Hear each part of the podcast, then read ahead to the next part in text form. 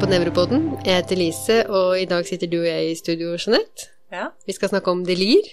Og til å snakke om det har vi vært så heldige å få med oss eh, geriater Torgeir Brun-Wyller. Hyggelig å være her. Eh, Hva betyr delir egentlig? Jo, eh, sånn rent språklig, etymologisk, så er det sånn at det lira, det betyr vel egentlig, tror jeg, plogfure, åkerfure. Men det kan man da tenke som spor. Og delirium betyr da ut av sporet, altså avsporet. Og det syns jeg er kjempebra. Det sier jo altså Pasienten har gått av sporet. Det er jo det de har. Altså Jeg er litt gammeldags, da, så jeg sier delirium. Men det er helt ålreit å si delir. De fleste tror jeg sier delir. Men i lærebøkene så står det ofte delirium. Ja, det er vel kanskje det liksom det fullstendige ordet. Ja. Men sier man liksom ha et delir, eller være i delir? Ha et delirium? Delirisk?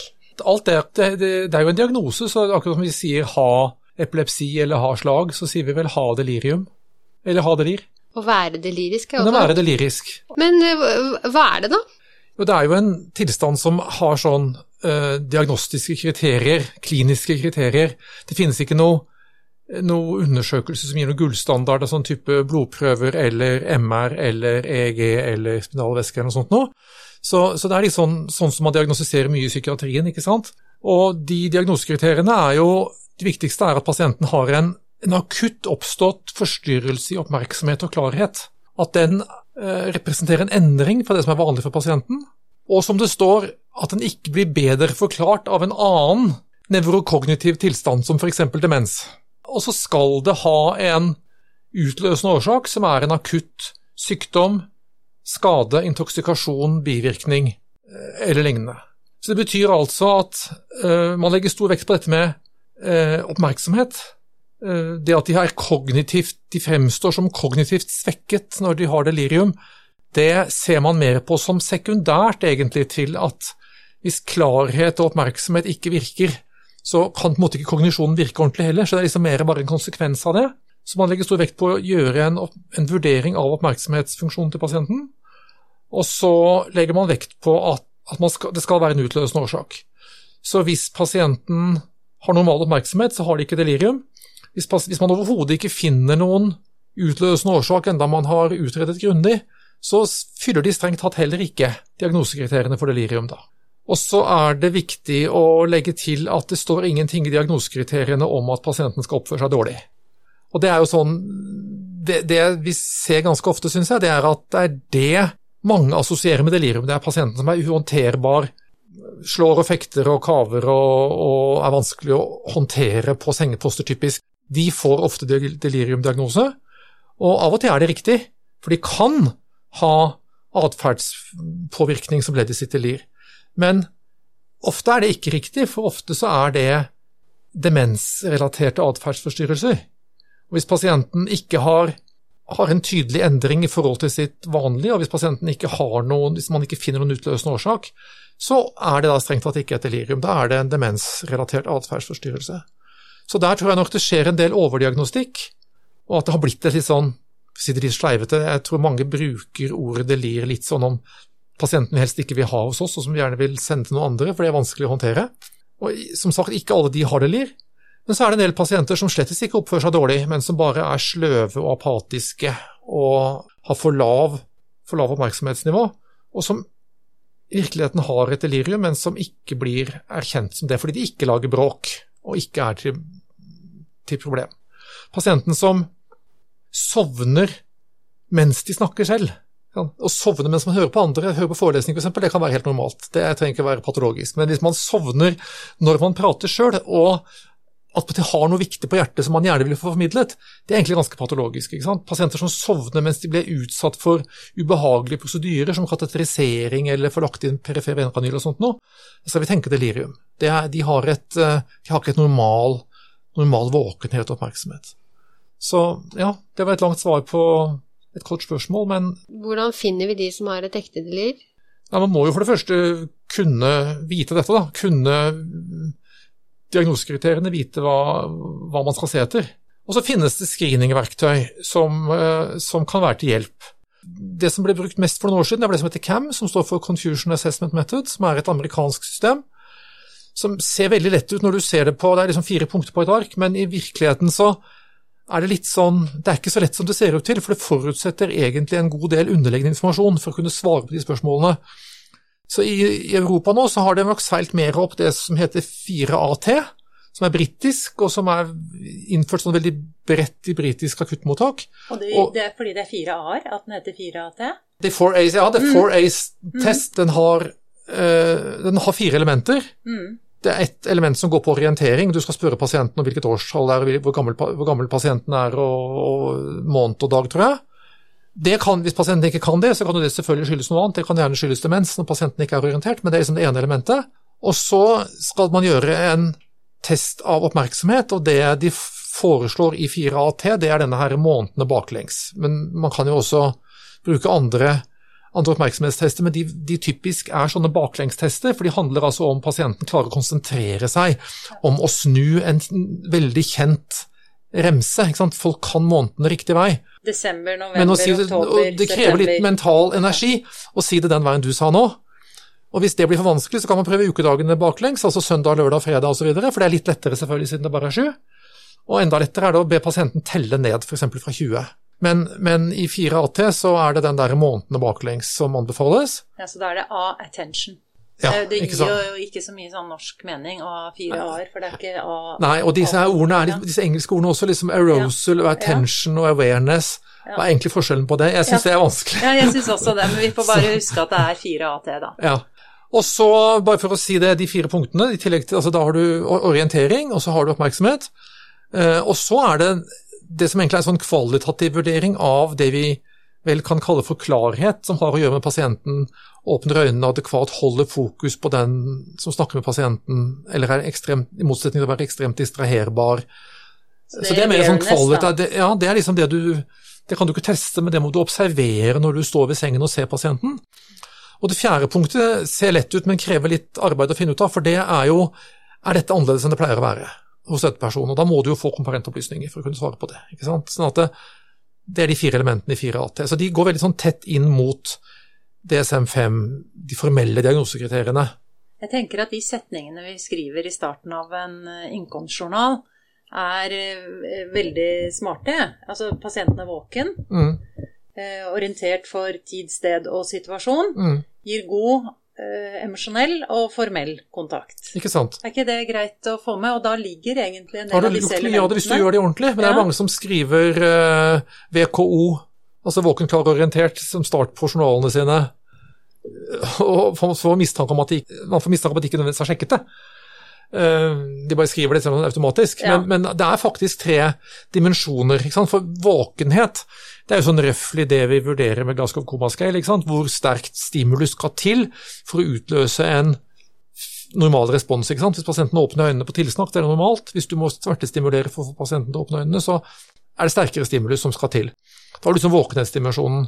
Orientert, da kan du jo lett teste om de er orientert, i hvert fall for egen alder og, og hvor de er hen. Altså helt enkle orienteringsspørsmål. Det som mangler der, var kanskje den oppmerksomheten, sånn som du nevnte. At Ja, det, det tenker jeg er lurt å, å ta med. Jeg pleier å si til studentene at hvis dere, hvis dere har spurt pasienten om de vet hvor gamle de er og hvor de er hen, hvis ikke de vet det, så er det ikke noe gjeld, så får du på en måte ikke noe mer informasjon av å spørre pasienten om de vet hvem som er konge i Norge og president i Amerika og sånt, for antagelig så vet de ikke det heller. Og, og om de vet det eller ikke vet det, det gir deg ikke noe tilleggsinformasjon, de vet allerede at de har store hull i sin orientering. Og da, i en akuttsituasjon, så er jo det interessante skyldes den desorienteringen demens, eller delirium, eller eventuelt en kombinasjon. Og da er oppmerksomhetstestene nyttige, fordi, og da sånn som månedene baklengs eller ukedagene baklengs, er nyttig da, fordi de påvirkes i mye større grad av delirium enn av demens.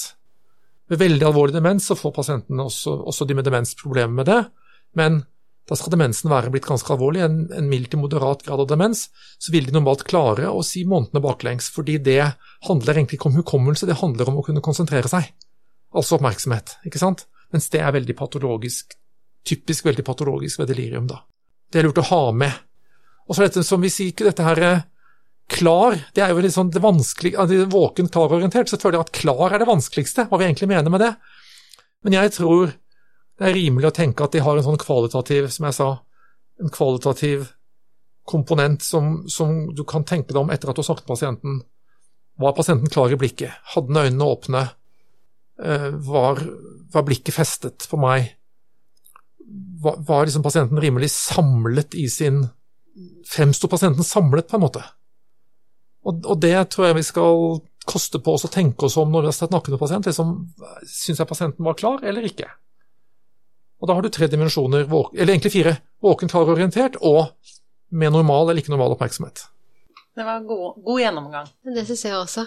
Hva er de vanligste utløsende årsakene til et liv? Ja, det er jo litt forskjellig etter hvor man er i helsevesenet. Hvis du er på ortopedisk avdeling, så er det hoftebrudd. Prevalensen av delirium er ca. 50% første postoperative dag etter hoftebrudd. Så det er ekstremt sterkt utløsende. Det er, en, altså, det er en kombinasjon av selve traume og operasjon og anestesin og alt sammen til sammen som gjør det. På en indremedisinsk avdeling så er det jo mye infeksjoner. Men det er litt viktig å huske på at eh, selv om infeksjoner er vanlig, så er ikke det de eneste årsakene. Det er liksom noen som tror at hvis de har sjekket CRP, så det liksom, de har gjort sitt, men, men er, du kan få da hjerteinfarkt, lungeemboli, øh, all verdens akutte indremedisinske tilstander. På en nevrologisk avdeling, ja, det, det, det, kan dere kanskje si bedre enn meg, hva som er de vanlige årsakene der. Slagpasienter, for å ta det, kan jo få det. Det er absolutt ikke noe sjeldenhet i forløpet av slag at pasientene er deliriske. Men Eh, på den annen side, hvis du ser på alle med delir, så er slag en ikke så veldig vanlig årsak. Det er, eh, det er liksom noen som tenker at pasienten har et akutt dramatisk symptom fra hjernen. Vi må ta et bilde, vi må ta et MR for å finne årsaken. Og det er klart, Av og til finner man årsaken på MR, men min, det er i mindretallet av tilfellene. Finner, hvis du ser på hele populasjonen med delirium U, usortert, så finner man mange flere årsaker ved å ta CRP og EKG og røntgentorax, liksom. Så, så, merkelig nok så sitter jo årsaken oftere ekstracerebralt. Selv om symptomene er, intras, er cerebrale. Ja, men, det gjør det hos oss også. Men, men, slag skal vi, være, skal vi følge definisjonen strengt, så er jo en pasient som er i postdiktal fase etter et epileptisk anfall, har jo egentlig også et delirium, hvis de er forvirret i, i den postdiktale fasen. Og vi vet jo at gamle epilepsi kan jo av og til være postdiktale ganske lenge. Da bruker man jo ikke i praksis ikke diagnosen delirium så mye, for det er liksom mer praktisk å si at pasienten er postdiktal, når vi, når vi jo vet ganske sikkert at det er det det er, at det er det det skyldes. Da blir det kanskje mer presist å si det, og da har vi kanskje ikke bruk for termen delirium. Men hvis vi, skal, hvis vi anvender den helt konsekvent, så er jo det et delirium. En leverencefalopati er et delirium, ikke sant. Hvis, ofte, de vil ofte oppfylle diagnosekriteriene. Men, men, men, det brukes vel kanskje i praksis oftere når vi i disse, alle disse mange tilfellene hvor det ikke umiddelbart er klart hva som er årsaken, så blir det en sånn trigger for oss at vi må utrede pasienten og finne ut hva det var som utløste det. Hvis det allerede er åpenbart hva årsaken er, så, så sier vi heller det direkte. Jeg leste, altså Du har jo skrevet mye, mye bra, bl.a. i tidsskriftet, om eh, delirium. Og Da skrev du at eh, dette med sårbarhet, mm. eh, hvis den søylen er veldig høy, mm Eh, så, du, så, må du ikke ha så veldig mye utløsende faktor for å få et delirium. Og så mm. kan du ha det motsatte. At du har egentlig en ganske frisk hjerne ja. fra før, men hvis du har stor nok belastning, så får du delirium. Og hvis du har begge søyler høyt, da, så har ja. du veldig stor risiko. Jeg syns det er egentlig en veldig god Og det er, en, det er, et bilde som brukes veldig mye. Ja. Uh, sårbare eldre, og særlig hvis de har demens allerede, allerede har en syk hjerne, så skal det lite til. Mens hvis du går på intensiv og ser på pasienter med en helt frisk hjerne fra før, men som har multitraume, septisk sjokk, altså virkelig dramatiske forstyrrelser av fysiologien, så kollapser selv den friskeste hjerne, og, og de får delirium, altså. Ja, og vi mm. fikk vel veldig påminnelse om det under koronatiden, mm. med de som lå lenge på intensiven, hvor det var eh, voldsom økning i delirium. Ja.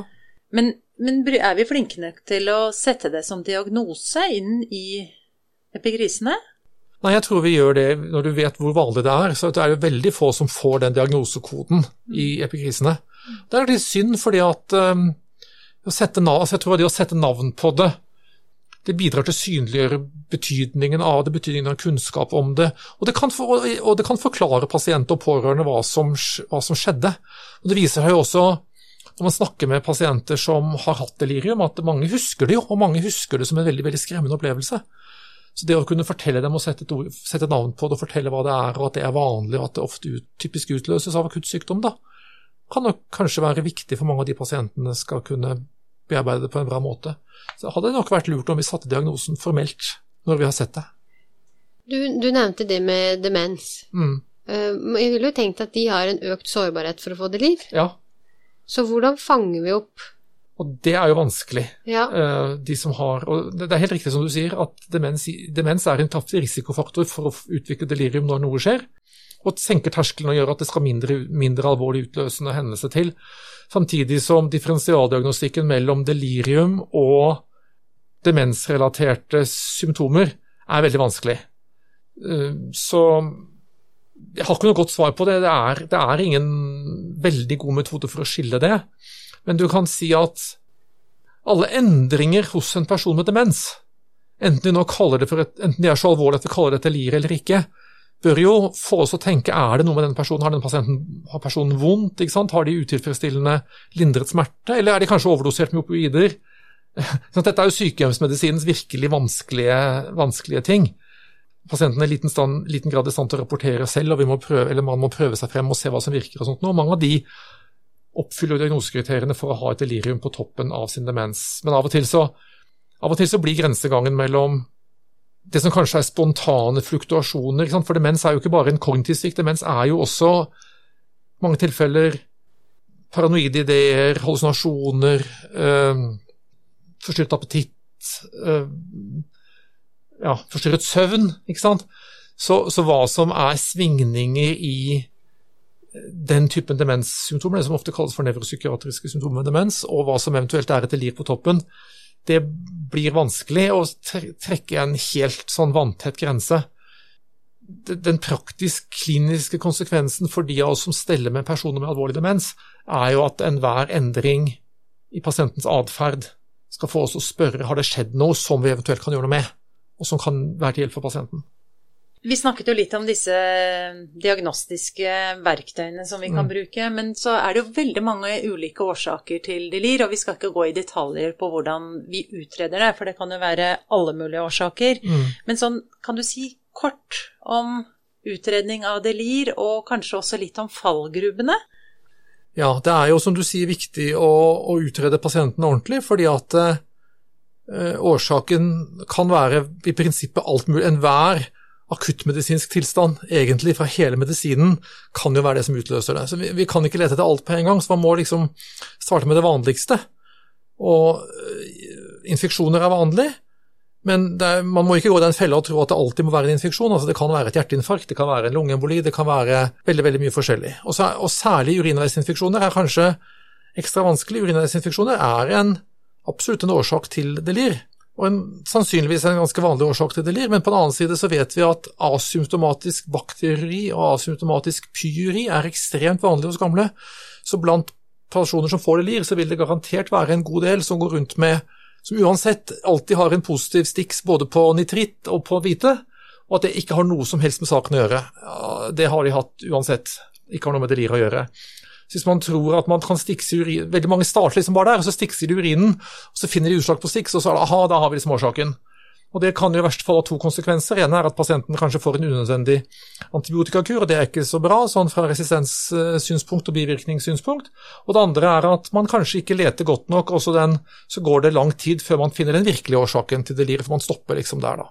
Så urinveisinfeksjoner er vanskelig men man skal være litt skeptisk til å tro at man har funnet årsaken hvis det eneste man finner er en, en positiv stiks, og man ikke får fram noen symptomer på UVI, og pasienten ikke har noe blodprøvemessig tegn til betennelsesaktivering, altså f.eks. helt normal CRP, helt normal hvite, ikke sant? Så, så, skal man være litt sånn kritisk til at, at den der urinstiksen nødvendigvis er svaret. Mm. Så lete bredt. Lete bredt nok, ja. ja. Og så lurte jeg på, vet vi om hva som skjer i hjernen under et delir? Og kan man få varig men? Ja, det er Kjempegode spørsmål begge deler. Svaret på det første er kort fortalt nei. Vi har forbausende lite forståelse av patofysiologien ved delirium. Eh, har, vår forskningsgruppe har prøvd å gjøre litt på det, og vi har gjort på den måten at vi har forsket på delir hos pasienter med hoftebrudd, fordi at de fordi, For det første fordi delirium er vanlig i den gruppen, og for det andre fordi så mange av dem blir operert i spinalanestesi. Og det gjør at ved hjelp av veldig tålmodige anestesileger som har sittet og ventet på at det skal dryppe ut spinalvæske før de setter inn sitt anestesimiddel, så har vi fått en biobank med mange spinalvæsker fra pasienter som samtidig er godt kartlagt på om de hadde eller ikke hadde deliriske symptomer. Og Da finner vi forskjeller mellom de med og uten delirium på masse. På nevroinflammasjonsmarkører, på øh, forstadier og metabolitter av nevrotransmitter og på masse forskjellig. men om det er liksom årsaken, eller om vi bare finner noe som er konsekvens av deliriet. Altså, det er jo åpenbart at det skjer noe dramatisk i hjernen uansett, så liksom, hva som årsaker virker Jeg tror vi bare skraper egentlig selv om vi har fått mange publikasjoner ut av det her, for det er, det er gjort så lite på det, så du kan skrive om alt du finner. Men, men om, jeg tror vi kanskje bare skraper overflaten likevel. Og så er det dette her med om det er totalt reversibelt eller ikke, og det er nok mer og mer data som tyder på at ikke det er totalt reversibelt. At det er de som gjennomgår et delirium, har høyere risiko for en raskere Altså for å få demens i året etterpå, hvis ikke de hadde fra før av. Hvis de har demens, så kan det se ut som forverringstakten av demensen går fortere.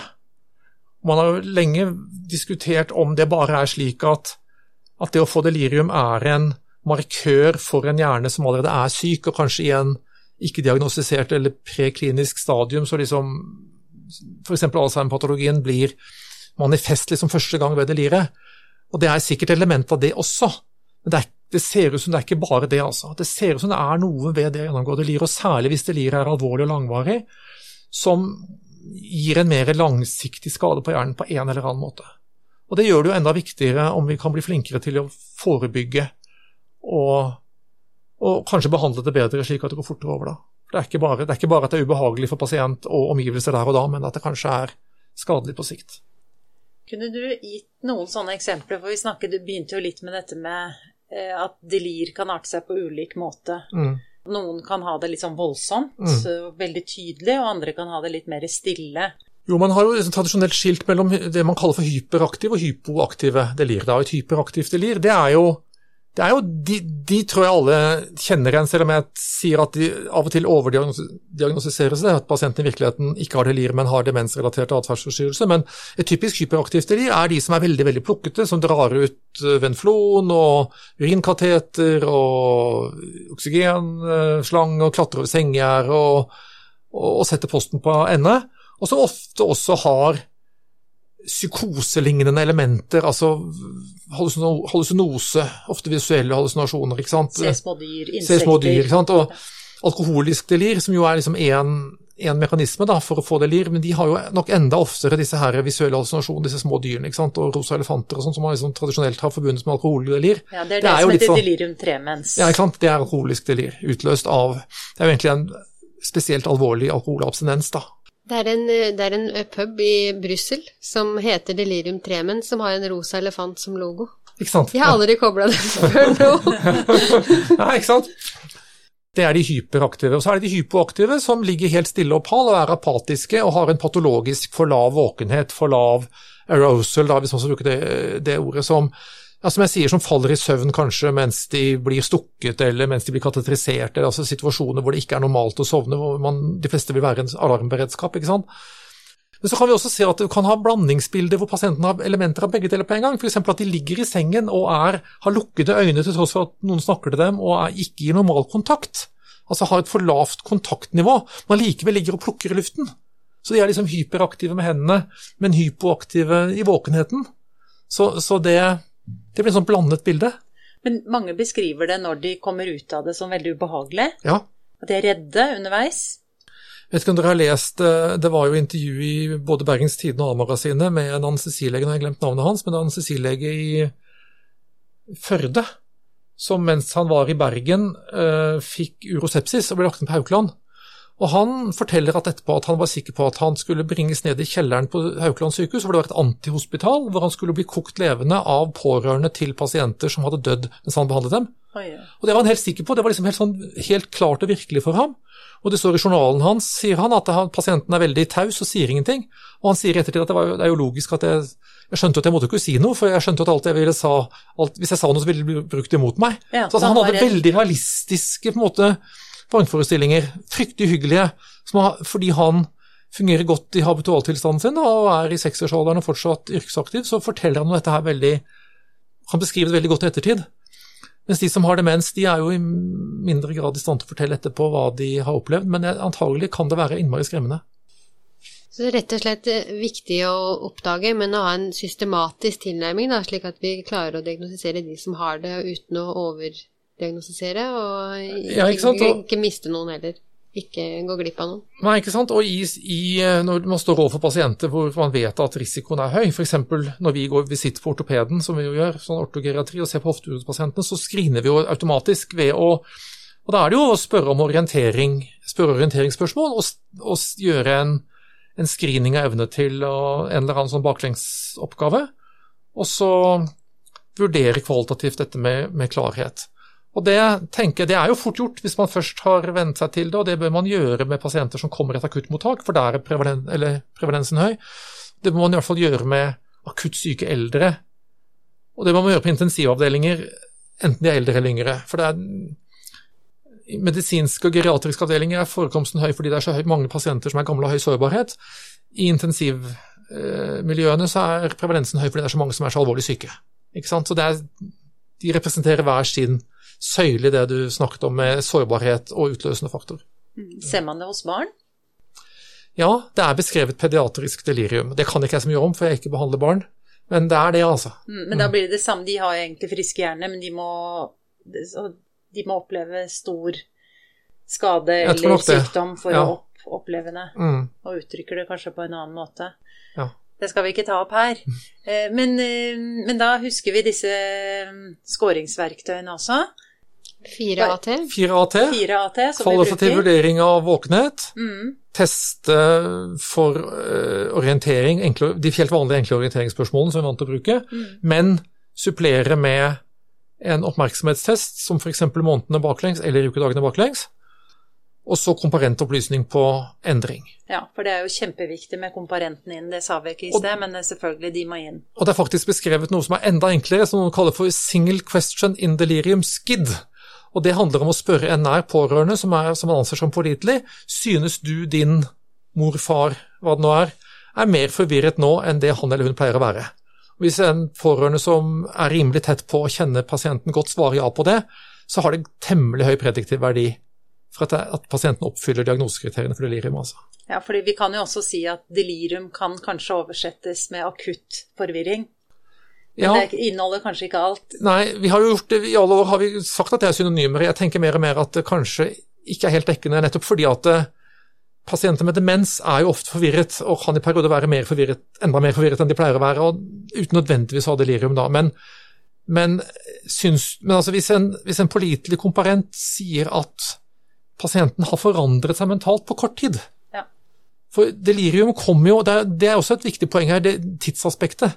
Delirium utvikler seg jo ofte veldig fort, og det er få andre ting som kan komme så brått og endre seg så brått. Og så svinge mellom, det sa jeg ikke i sted, men det er også et viktig poeng, svinge mellom hyperaktive og hypoaktive faser forbløffende brått.